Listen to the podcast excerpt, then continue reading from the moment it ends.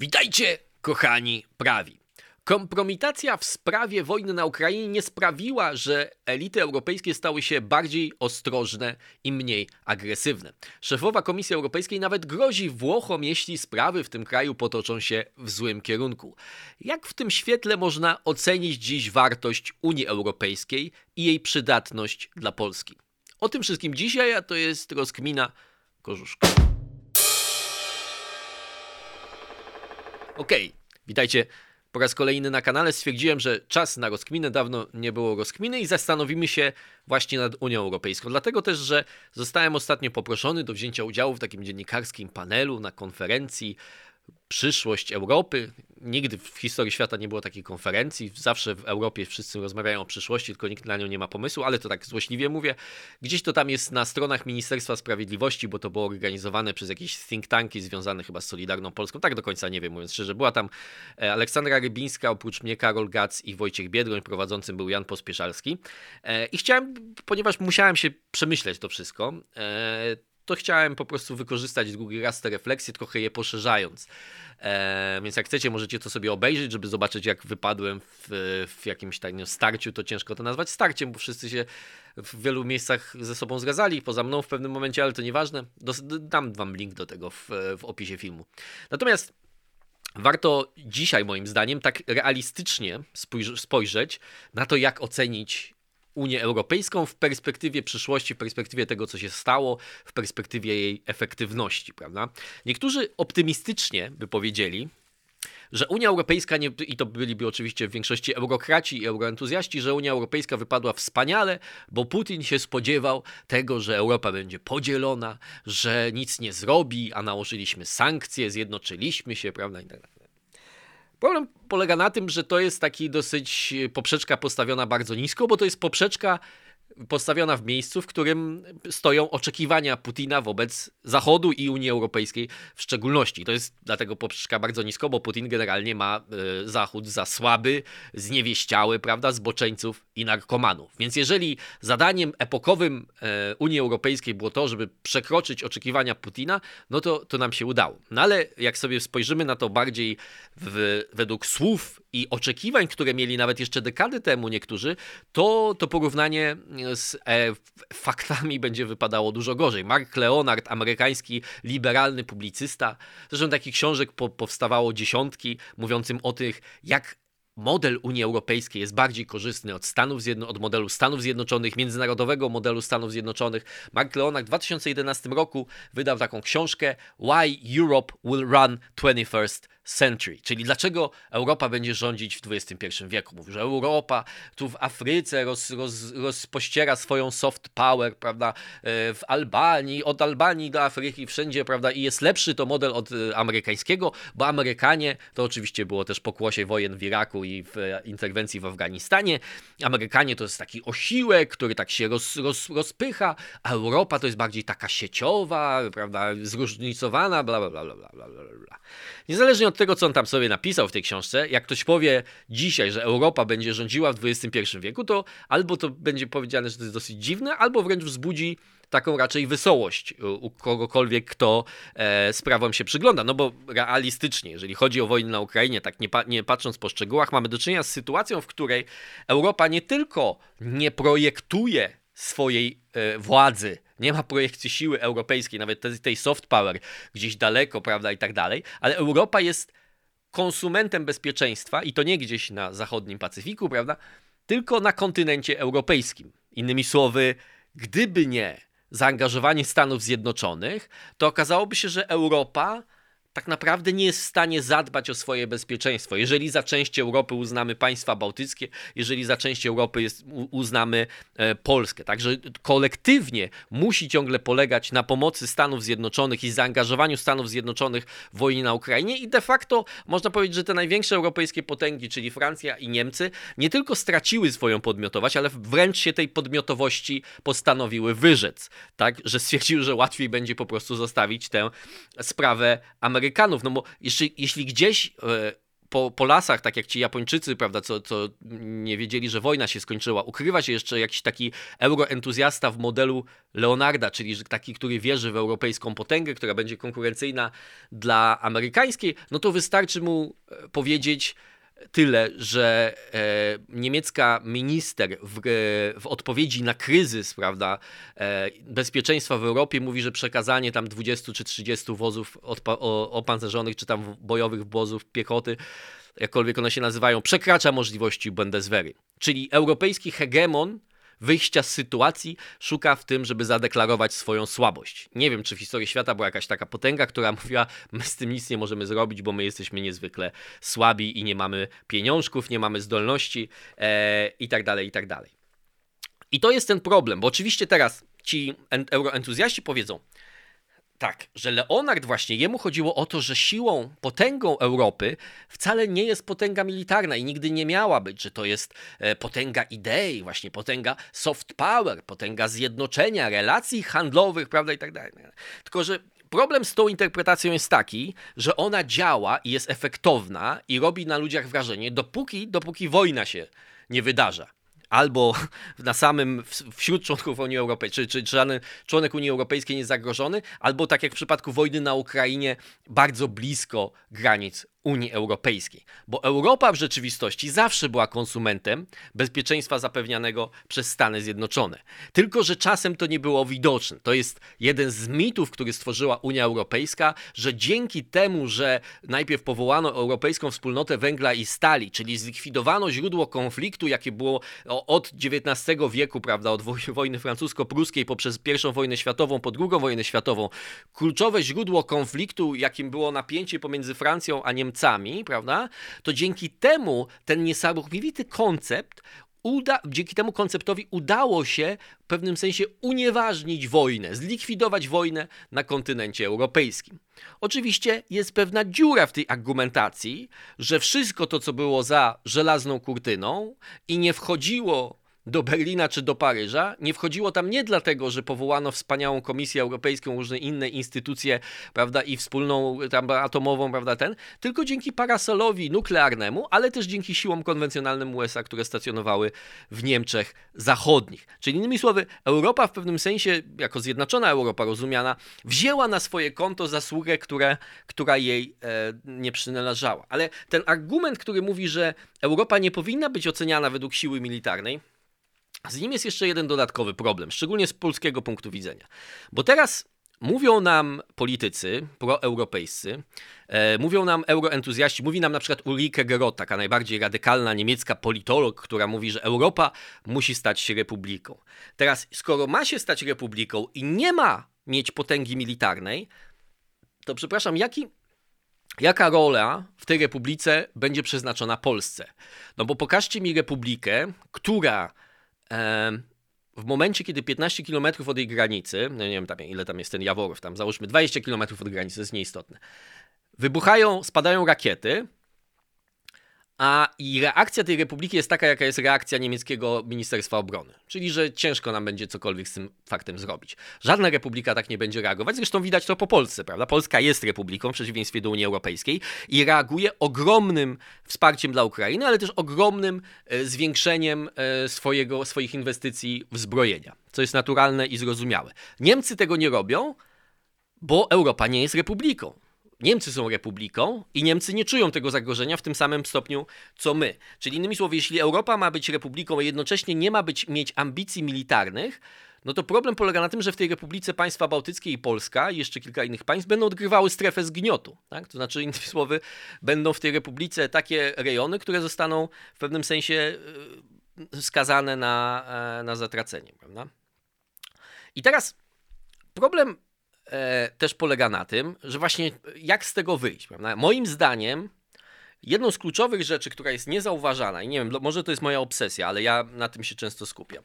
Znaczy, że Europa nie będzie skutecznie realizować czegokolwiek, to niezależnie, bo niektórzy mówią, że klucz jest w, w, odpowiednim opisaniu relacji pomiędzy e, urzędami centralnymi europejskimi czy, czy, czy, czy e, instytucjami wspólnotowymi, a państwami członkowskimi, e, że jak to się bardziej w, w jakiś taki trwały sposób, że nie będzie tej dynamiki. Oczywiście to jest do pewnego stopnia prawda, ale moim zdaniem kulturowo i politycznie, jeżeli Unia Europejska ma mieć jakąkolwiek przyszłość taką podtrzymywalną, nie wegetującą, to, to musi rozwiązać kompleks antyamerykański w jakimś sensie, tak? Bo moim zdaniem właśnie o tym też powiedziałem, że Europa została e, ufundowana na micie niezależności od Stanów Zjednoczonych i bycia alternatywą dla modelu Stanów Zjednoczonych, choć tak naprawdę była tylko beneficjentem i konsumentem systemu, które Stany Zjednoczone po II wojnie światowej stworzyły.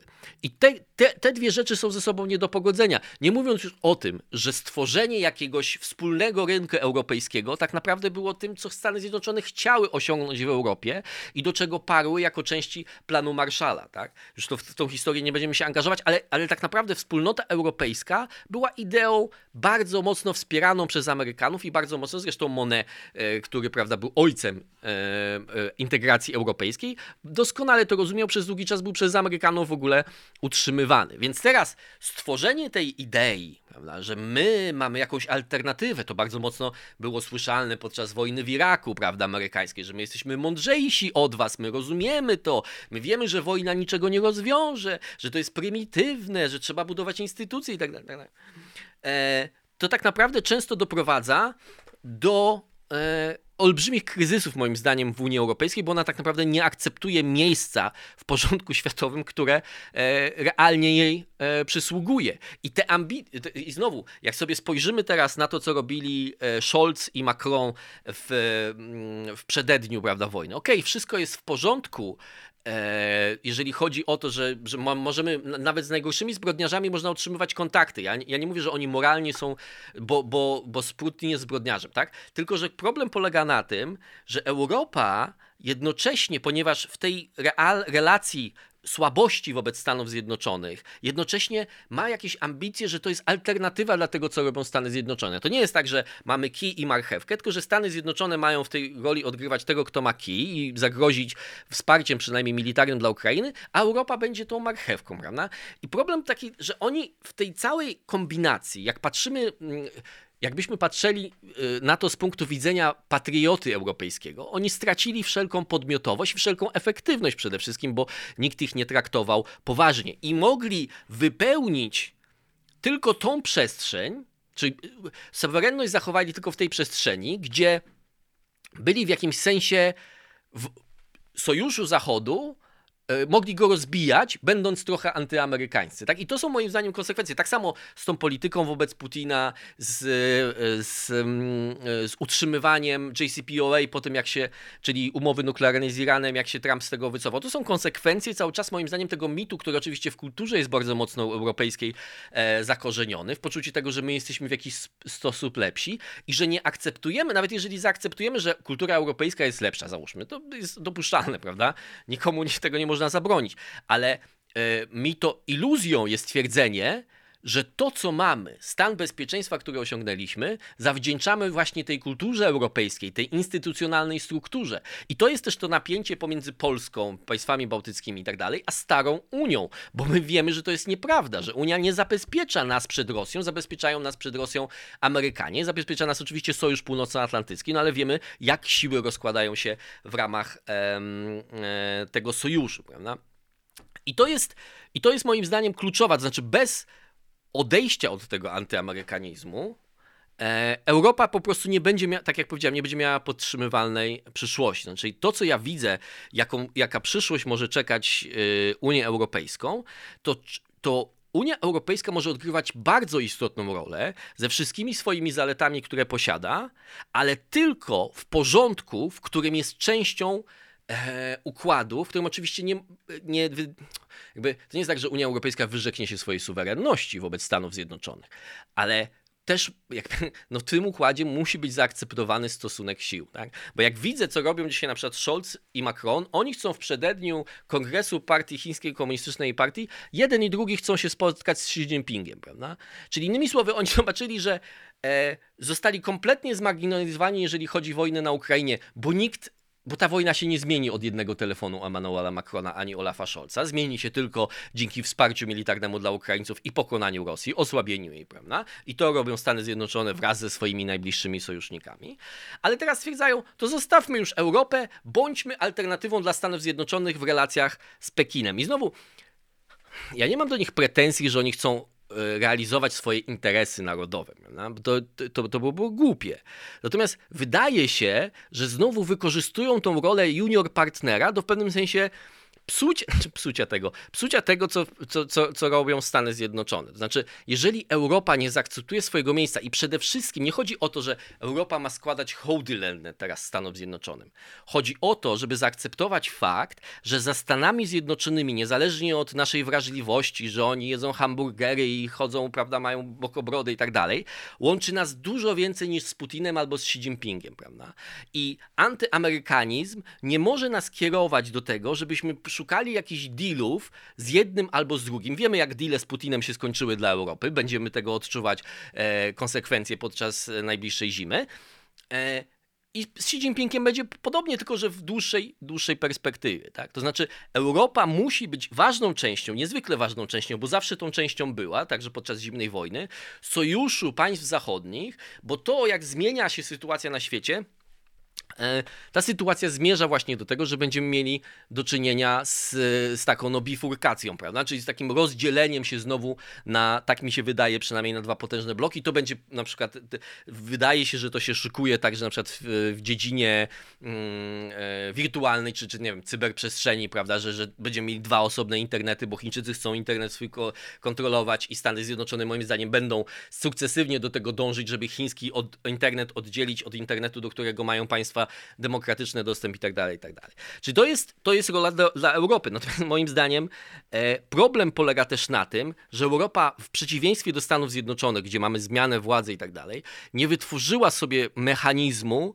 w którym no, pewien matryca postępowania mogłaby zostać zmieniona. Ta matryca ciągle pozostaje taka sama e, i to jest ten największy problem. Tak? To znaczy, że znowu z, z wojną na Ukrainie mamy ten, t, tą samą linię. To znaczy Stany Zjednoczone e, biorą na siebie większość wysiłku, który jest związany z tym, żeby Ukrainę obronić i jednocześnie rosyjskie niebezpieczeństwo dla Europy w pewnym sensie unieszkodliwić, ale to nie z tego Europa nie wyciągnie wniosku takiego, że niepotrzebnie szukaliśmy tak zwanej strategicznej autonomii, jak to mówił Emmanuel Macron, bo tylko potem kłopot stał się większy przez to.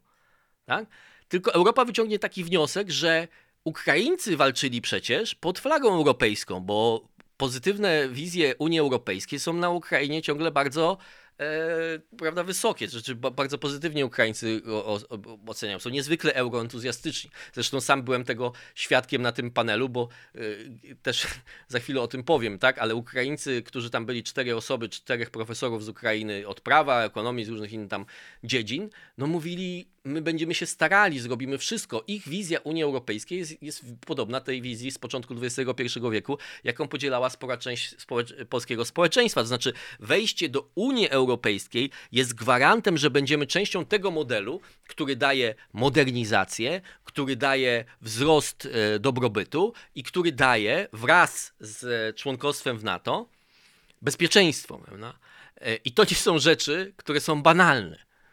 E, I to jest część taka druga tego, co, o czym ja chciałem powiedzieć. To znaczy, mi się wydaje, że mam problem z tym, żeby powiedzieć, jaka, będzie, jaka powinna być przyszłość Unii Europejskiej, bo mam problem z tym, żeby zauważyć w elitach właśnie europejskich jakąkolwiek chęć do tego, żeby refleksję e, przeżyć. Znaczy, bo sensowna, gdybym ja miał o tym decydować, zawsze ciężko jest mówić w takich sytuacjach, bo to jest ciągle polityka 27 narodów, które każdy ma swoje inne interesy, więc to nie jest tak, że to zostanie jedną wizją naprawione i nigdy to w polityce nie działa.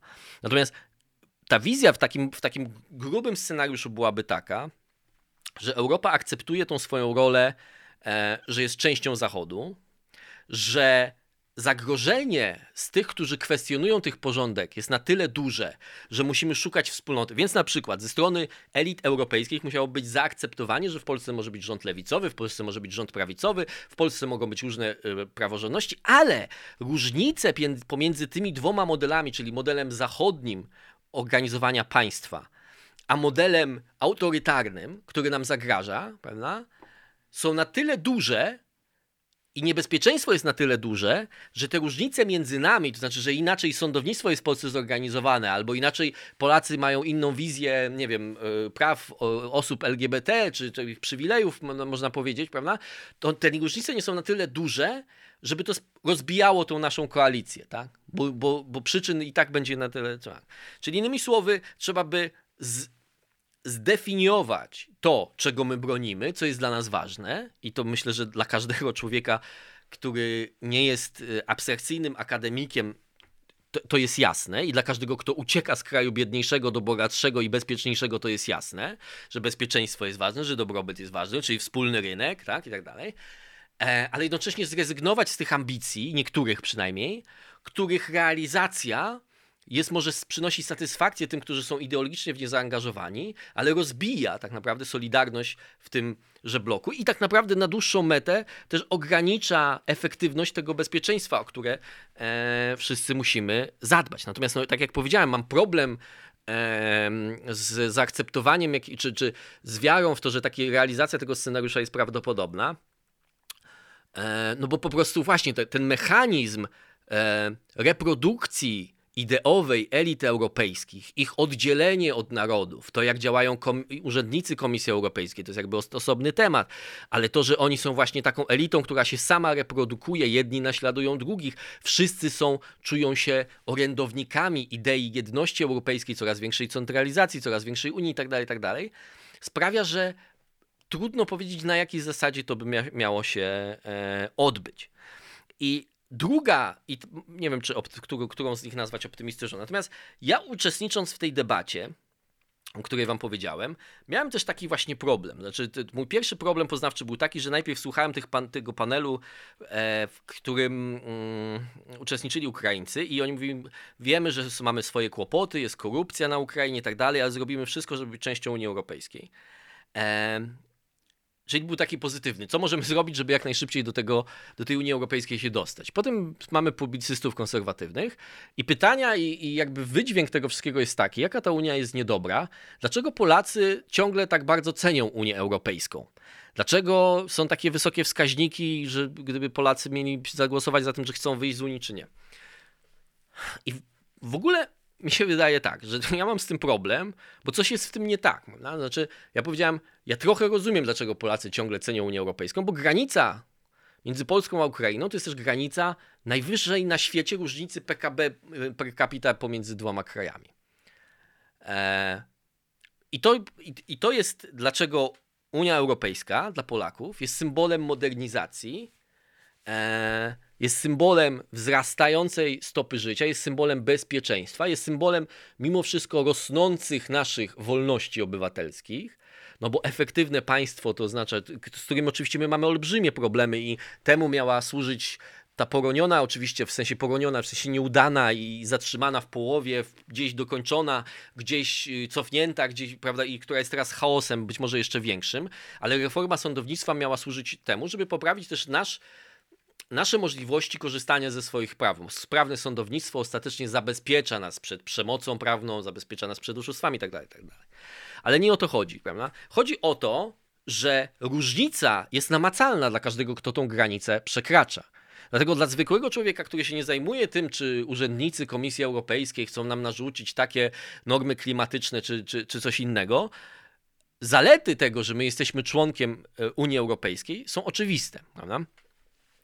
E, i każdy z nas ich doświadczył. Teraz możemy prowadzić bardzo akademicką dyskusję na temat tego, czy to członkostwo w NATO, e, członkostwu w NATO zawdzięczamy, na ile inwestycje infrastrukturalne Unii Europejskiej przyczyniły się do rozwoju Polski, na ile związały się z, powiększaniem zadłużenia itd. Tak Wszystkie te dyskusje są na miejscu, tylko że my nie żyjemy w rzeczywistości, której alternatywy możemy sobie analizować, jak nam się podoba. Fakt jest taki, że Polska rozwijała się w tych warunkach, w których się rozwijała od 2004 roku, czyli będąc członkiem NATO i będąc członkiem Unii Europejskiej. I rozwijała się w sposób fantastyczny. Mogła się rozwijać bardziej? Mogła. Nie mam co do tego wątpliwości. Czy można było uniknąć wielu e, problemów społecznych i tak dalej? Można było. Tylko to jest polityka, która zawsze jest sztuką tego, co jest możliwe.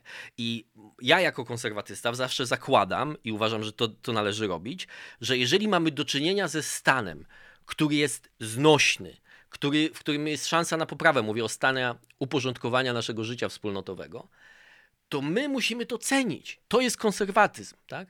że niesprawiedliwości, nierówności. I to wszystko będzie zawsze częścią naszego życia, ale musimy zawsze zrozumieć, że zburzenie czegoś, czy rezygnacja z czegoś, e, co wydaje nam się mm, jakby takie poczucie, że to, co mamy, nie zależy od całej tej struktury instytucjonalnej, która nas otacza, że jak zniszczymy to wszystko, to dalej będziemy bogaci, tak? to dalej będziemy bezpieczni, tylko będzie bardziej sprawiedliwie, tylko będzie bardziej równo, prawda? i tak dalej. To, to, to jest oczywiście myślenie rewolucyjne, które jest niezwykle niebezpieczne i doprowadzało do wielu e, nieszczęść. Prawda? Dlatego, jak ja słyszę dzisiaj publicystów, którzy się zastanawiają, jak to zrobić, żeby Polacy, żeby Polska w końcu była wolna, żeby Polacy mniej byli zdecydowani na tą Unię Europejską.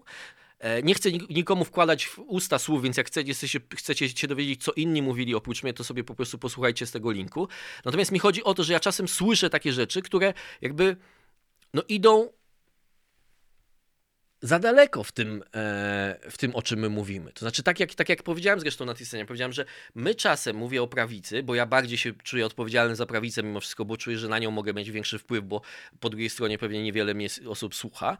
E, czasem postępujemy w sposób skrajnie naiwny, uważając, że wszystko, co jest alternatywą do tego porządku Unii Europejskiej obecnego, co, co, co który, e, e, który nam się nie podoba, to jest coś dobrego I każdy, kto się sprzeciwia też temu porządkowi, jest naszym przyjacielem.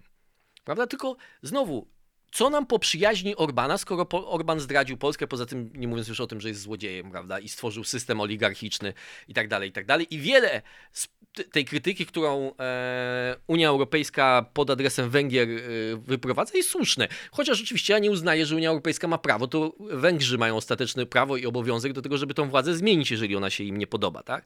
Natomiast chodzi mi o to, że to jest, to, to, to jest niestety moim zdaniem skrajna e, naiwność, tak? że widzimy w tych populistach prawicowych, prawda? zresztą wystarczy się przyjrzeć temu i o ile powiedziałem o lekcji Unii Europejskiej, którą powinna wyciągnąć z wojny na Ukrainie, to tak samo trzeba by powiedzieć o lekcji, którą prawica powinna wyciągnąć z wojny na Ukrainie. Tak?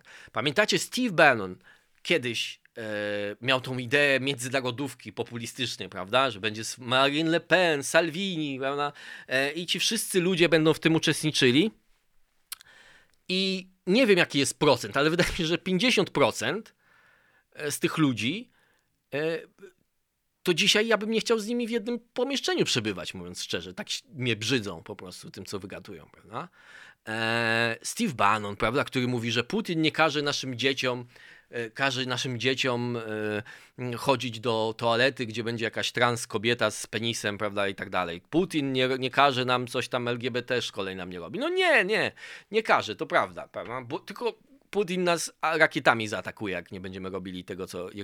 Jak nie, nie, nie będziemy postępowali zgodnie z, z e, wolą matuszki Rosji, tak? Więc znowu to jest to samo, co powiedziałem w przypadku yy, tych europejskich elit, tak? Że one powinny dojść do wniosku, że różnice, które mamy z Polską, dotyczące aborcji, dotyczące jakichś tam rzeczy ideologicznych, to mimo wszystko on to nie, jakby powiedział Arystoteles, mówi, prawda, o różnicy substancjalnej i różnicy przypadłościowej, czyli takiej, która sięga istoty problemu i takiej, która jest po prostu, no, różnią się różni, e, różne rzeczy, tak, e, między sobą, tak, czyli innymi słowy, człowiek e, z drugim człowiekiem może się różnić kolorem włosów, ale istota człowieczeństwa, czyli ta substancjalna, ich łączy, więc o ile różnice pomiędzy mną, więc ja uznaję, tak, że Europa powinna tak e, powiedzieć, że różnice pomiędzy nami, między Polską, między Warszawą a Berlinem, to są różnice przypadłościowe, a między Berlinem a e, Pekinem, albo pomiędzy Warszawą a Pekinem, albo między, Pekinem, między Warszawą a Moskwą, albo Berlinem a Moskwą,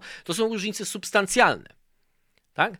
I ja tak samo uważam, że czasem, jeśli ktoś posuwa się do, te, do stwierdzenia, że porządek Unii Europejskiej jest tak zły, że alternatywą mogą być Chiny albo alternatywą może być Moskwa, to różnica, która mnie z nim różni, zyskuje charakter substancjalny, a różnica, którą ja mam z eurokratami z Brukseli, mimo wszystko jest różnicą przypadłościową. Więc uważam, że jakby to jest tak, że prawica w poszukiwaniu tej alternatywy czasem za, zaczyna być niezwykle naiwna. Jak ktoś mówi, że musimy Ukraińców ostrzec przed Unią Europejską. Przed czym konkretnie, tak? Dobrze, Unia Europejska ma instytucje, które są agresywne. Unia Europejska chce pozbawić państwa suwerenności. Unia Europejska chce mieć wpływ na rzeczy, na które nie powinna mieć wpływu. Ale pamiętajmy, z czym walczą Ukraińcy i walczą z Rosją, która chce mieć wpływ na wszystko i używa do tych e, do projekcji tego swojego wpływu środków, które są charakterystycznie dużo bardziej brutalne niż środki, których używa Unia Europejska. Więc, e, więc nam, jako prawicy moim zdaniem, potrzebna by była taka dawka trochę realizmu, potrzebna dawka prawdziwego konserwatyzmu, który właśnie dostrzega, że to nie jest tak, że porządek y, polityczny, w którym żyjemy, jeśli on nam gwarantuje dobrobyt y, dla większej liczby liczby niż nie, brak chaosu społecznego, brak, e, e, brak niebezpieczeństw, z którymi się spotykamy e, na co dzień, prawda? To musimy ten, ten, ten porządek doceniać, obojętnie jaką krytykę e, wobec niego moglibyśmy mm, stosować. Bo oczywiście to są dwa niebezpieczeństwa. Znaczy, jedno niebezpieczeństwo to jest życie w systemie autorytarnym, gdzie wszelka krytyka jest niemożliwa i mówienie, że ten porządek jest lepszy, bo jakikolwiek inny byłby gorszy i każdy, kto się temu na tej zasadzie działa system autorytarny.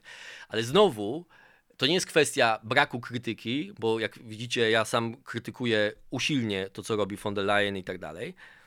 Natomiast wydaje mi się, że też drugą częścią, drugą skrajnością, w którą nie można popadać, jest właśnie ta skrajność, w której tak mi się to nie podoba. To, to, było, to, to było dla mnie takie poczucie nierzeczywistości, że my tu siedzimy pięknie ubrani w hotelu, zorganizowano konferencję, pewnie ze środków Unii Europejskiej, domyślam się po części, a może nie, nie wiem, ale pomyśl, domyślam się, że tak, bo to jest pewnie część tego projektu, dyskusja właśnie toczy się, jakbyście nie, jakby was nikt nie pytał, to właśnie toczy się e, instytucjonalna i think tankowa dyskusja o przyszłości Unii Europejskiej i pewnie to, to są granty sponsorowane przez Unię Europejską, więc my sobie siedzimy, rozmawiamy, i mówimy, co by tu zrobić, żeby, żeby zburzyć ten system, prawda? W pewnym sensie. Ja nie mówię, że ktokolwiek do tego nawoływał znowu, tak? E, natomiast, natomiast wydaje mi się, że, że to jest konsekwencja. I powiedziałem tam jeszcze jedną rzecz, która moim zdaniem jest dosyć ważna. Jeżeli chodzi o te wszystkie rzeczy, które, których prawica, szczególnie prawica populistyczna, zaczęła ostatnio celować. Tak? To znaczy, że wszystko jest, e, oczywiście to było widać podczas tego, czym się zajmowałem bardzo mocno na początku istnienia tego kanału, czyli wyborach w Stanach Zjednoczonych. Wszystko jest po to, żeby lewica przejęła władzę, żeby globaliści, korporacje, spisek, e, oni chcą z nas zniszczyć. Innymi słowy, e, pandemia oczywiście dowolna wersja tego wszystkiego, prawda, władza nad światem i tak dalej, i tak dalej. To teraz oczywiście ktoś może powiedzieć, za każdym razem, jak kogoś się oskarżało o to, że on, on stosuje taką narrację, to on mówił, ale to co, nie można krytykować, prawda? Nie można mówić, że jakby... I to jest argument trochę taki pusty, dlatego że oczywiście, że można krytykować i było co krytykować, jeżeli chodzi o zachowanie się poszczególnych rządów. Natomiast Istota tego wszystkiego jest taka, że łatwość wyboru tej wersji narracji, w której to nie jest niekompetencja, to nie jest nieudacznictwo, to jest celowe działanie, w którym ktoś chce nas pozbawić wolności, pozbawić nas wszystkiego, a w ogóle pewnie i nas zabić, prawda? I nas najpierw kontrolować, a potem nas zabić, sprawia, że moim zdaniem, i to jest większy problem niż ktoś, kto jest stricte agentem Putina, bo tacy są pewnie ten, to służy Putin. Wiem, nienawidzę tego argumentu, że coś służy Putinowi, ale, ale w tym przypadku powiem wam dlaczego. Chodzi o to, że osłabia nas, bo jaki sens jest. Przepraszam, musiałem sprawdzić, czy mikrofon działa. Jaki sens jest w opieraniu się wojnie, którą wywołał przeciwko nam Putin, który chce nas zniszczyć, chce nas zabić, skoro nasze własne rządy wolnego świata zachodniego wy, wywołały wojnę przeciwko swoim społeczeństwom? Tak? No bo to jest takie przeświadczenie, które można, tak, nadchodzi wielki reset no, i tak dalej. I to jest moim zdaniem też niebezpieczeństwo następne, które, które też prawica powinna. Znaczy, innymi słowy, o ile ja uważam, że ten porządek jest, y, i może tak na koniec. Coś tam napisałem, y, taki wątek na Twitterze o Meloni i mówię, napisałem mniej więcej tyle, że uważam, że nadzieje z tym związane są, generalnie powinny zostać trochę powściągnięte. Po pierwsze, to, że my się zachwycamy, to, to, to jest ciekawe, że my się tak naprawdę zachwycamy tym, że von der Leyen skrytykowała Włochów. Polska prawica się tym zachwyciła. Oczywiście oburzając się, ale to jest taki zachwyt pełen, oburzenie pełne zachwytu. Dlaczego? Dlatego, że wydało nam się, że znowu, y, znaczy taką fałszywą świadomość uzyskaliśmy, że wreszcie będzie sprawiedliwie. Bo to by świadczyło, jeżeli von der Leyen ma na myśli to, co mówi, czyli że jeżeli sprawy się potoczą w złym kierunku, to mamy takie same narzędzia, których używamy wobec Polski i Węgier, to świadczyłoby o tym, że mamy do czynienia w Unii Europejskiej wreszcie z równością, bo Włochy, oryginalne państwo pierwszej szóstki Europejskiej Wspólnoty Węgla i Stali, stara Unia jak najbardziej, zawsze w centrum, prawda, chociaż zawsze trochę chory człowiek Europy. Jeśli Włochy zostaną potraktowane tak samo jak Polska, to okaże się, że tak naprawdę jest w Europie sprawiedliwie. Bo wystarczy, że gdzieś pojawi się rząd prawicowy e, i będzie sprawiedliwość. Tylko, że tak nie będzie. I trzeba o tym wiedzieć, że tak nie będzie, bo Włochy są zbyt ważne. Włoch, nie można stracić Włoch. Zresztą to już raz zrobiono, kooptując Salviniego chociażby do rządu Dragiego, co oczywiście doprowadziło do jego unieszkodliwienia. Meloni oczywiście nie będzie tutaj e, pionkiem biernym, który się będzie tej sprawie przyglądać, ale wydaje mi się, że to, co ona pokazuje, ten cały mainstreaming braci Włochów, który mówi, że ona jest pro-NATO, przeciwko Rosji i pro-UE, prawda, i tak dalej, ma służyć temu, żeby ta kooptacja była skuteczna. E, więc tak naprawdę to dla Polski pozostawiona jest strategia totalnej konfrontacji, dla Włoch jest strategia pewnie krytyki, ale która ostatecznie skończy się kooptacją, bo na to sobie Unia Europejska nie może pozwolić. Zresztą nawet jeśli tak nie było, ja uważam generalnie, że populizm europejski to jest sprawa, która się kończy. Znaczy nie tylko przez kompromitację ze związki z Rosją, nierealne ten, ale po prostu okazał się tam, gdzie udało mu się zdobyć władzę, to okazał się bardzo łatwy do rozbrojenia, prawda? I że tak naprawdę nie ma pomysłu na nic. Więc myślenie o dzisiaj, w tej atmosferze, że na, na, nadciąga jakaś fala populistyczna, która, z której Polska skorzysta, jest, jest bardzo mało e, realne. Tak? E, I teraz dodatkowo e, to, że Meloni mainstreamowała swoją partię, no to też świadczy o tym, że będzie gotowa do ustępstw. A gdzie będzie najłatwiej ustępstwa, e, ustępstw dokonać? No tam, gdzie w tych rzeczach, które się liczą dla Polski, bo one z kolei dla Włoch nie są kwestią żywotnego interesu. Ale mówię o tym wszystkim dlatego, że ktoś mnie zapytał i to też jest taki wniosek na koniec. Ktoś mnie zapytał, no to co teraz? E, co teraz? Nie ma nigdzie nadziei. No tak, to prawda, tylko że właśnie to jest jakby istota też mojego podejścia do polityki jest taka, że właśnie nie chodzi o to, żeby była nadzieja, że po, pojawi się nowy światły lider, który to wszystko zmieni. Unia Europejska dalej będzie dysfunkcyjną strukturą, dalej będzie powtarzała swoje brednie. Populiści korzystają tak samo, bo ja uważam, że relacja pomiędzy Unią Europejską a, a populistami to jest relacja symbiotyczna, znaczy jedni i drudzy mogą zrzucać na siebie winę, dlaczego im coś nie wychodzi, ale jeśli chodzi o przyszłość Polski, to Polska będzie dalej w Unii Europejskiej, będzie się spotykała z tą presją. Ja nie wiem, czy na, nastąpi jakiś punkt kulminacyjny, trudno to powiedzieć, ale my też jesteśmy częścią bliskiego sojuszu ze Stanami Zjednoczonymi.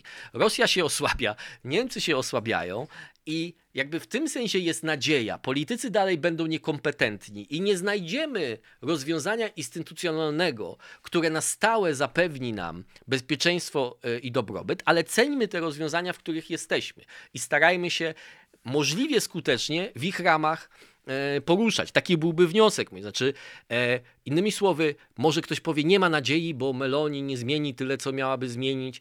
Po pierwsze, ja nie wiem, czy ja bym chciał takich zmian, których ona by chciała. Znowu, bo to jest pytanie, scenariusza, pytanie o scenariusz alternatywny. Prawda? Fakt. Niemcy zdominowały Unię Europejską, korzystają z jej instytucji do tego, żeby realizować swój interes narodowy.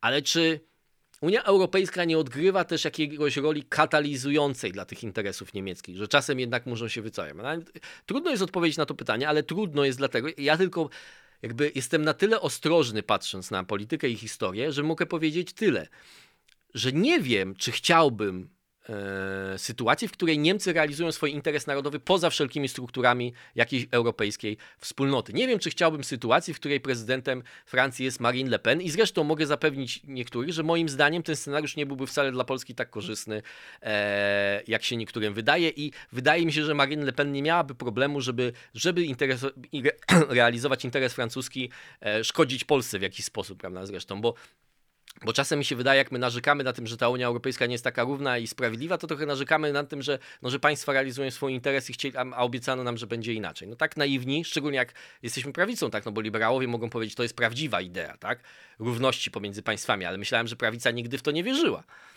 I to jest ten, e, i to jest ten problem. Więc kończąc już, te meandry, ale ponieważ to jest rozkmina, to mam nadzieję, że te meandry myślowe zaakceptujecie.